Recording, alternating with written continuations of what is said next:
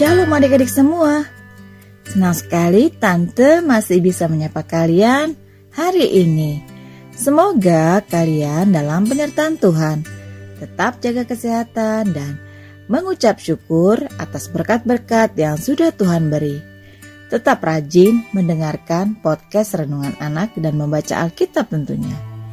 Tema renungan hari ini adalah tentang seorang tokoh agama yang sangat terkenal, yaitu Romo Franz Magnus Suseno dengan bacaan Alkitab dari Kitab Perjanjian Lama Mazmur 101 ayat 6. Mari siapkan hati mendengarkan firman Tuhan, kita berdoa. Tuhan, saat ini kami hendak mendengarkan firman-Mu. Berilah pengetahuan dan bimbinglah kami agar firman-Mu dapat kami mengerti dan pahami sesuai kehendak-Mu. Bukalah hati dan pikiran kami untuk mendengar dan menerima firman-Mu. Kiranya firman Tuhan dapat menjadi berkat bagi kami. Dalam nama Tuhan Yesus, kami berdoa. Amin. Mazmur 101 ayat 6 Mataku tertuju kepada orang-orang yang setiawan di negeri supaya mereka diam bersama-sama dengan aku. Orang yang hidup dengan cara yang tak bercela akan melayani aku. Demikian firman Tuhan hari ini. Adik-adik, orang yang setia adalah orang yang melayani. Orang yang setia mempertahankan cara hidup yang benar dan tidak bercelah Alkitab mengajarkan betapa pentingnya kesetiaan.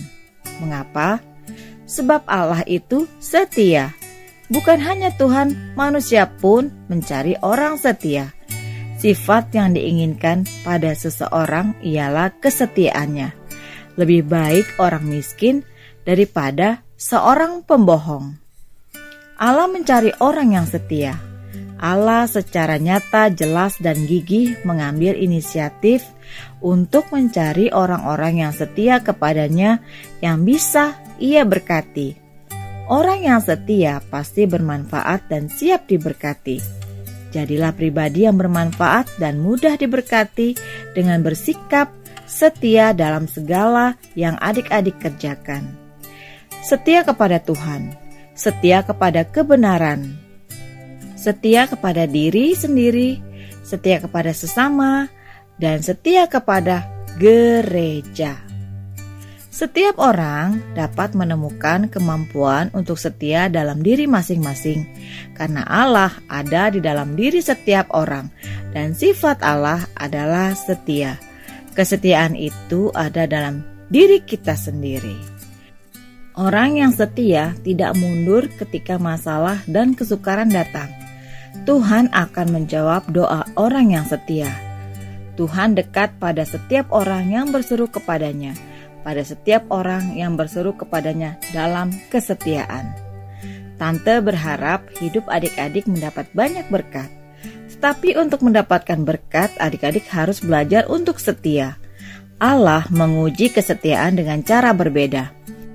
Semoga adik-adik semua mengizinkan Tuhan membuat diri kalian tumbuh dewasa menjadi orang yang setia dan bertanggung jawab atas segala yang sudah Tuhan percayakan. Sebab orang yang setia adalah orang yang bertanggung jawab. Ia akan menyelesaikan segala tugasnya sampai selesai. Di buku renungan, ada seorang tokoh yang sangat setia dalam pelayanannya. Seorang tokoh yang mengabdikan diri hanya untuk melayani Tuhan.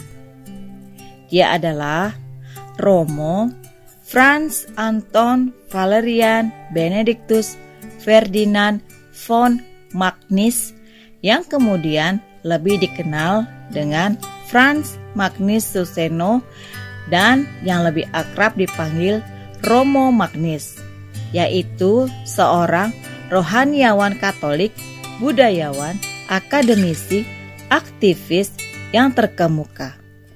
Romo Magnus adalah warga negara Indonesia yang sebelumnya berkebangsaan Jerman.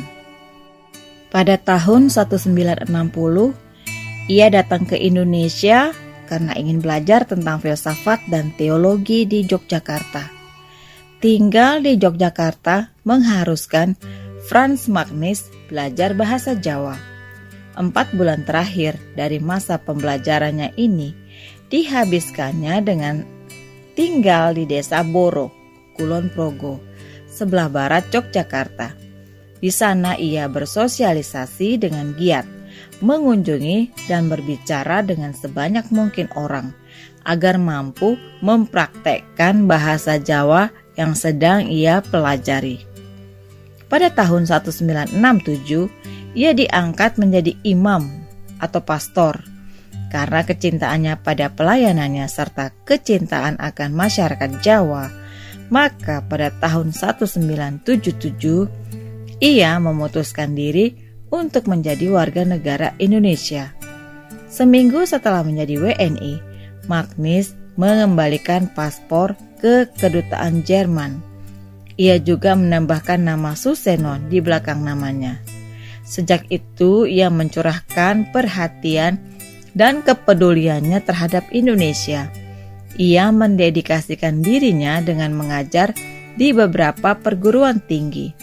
Ia sangat fasih berbahasa Jawa, bahkan dia sangat mendalami kebudayaan Jawa.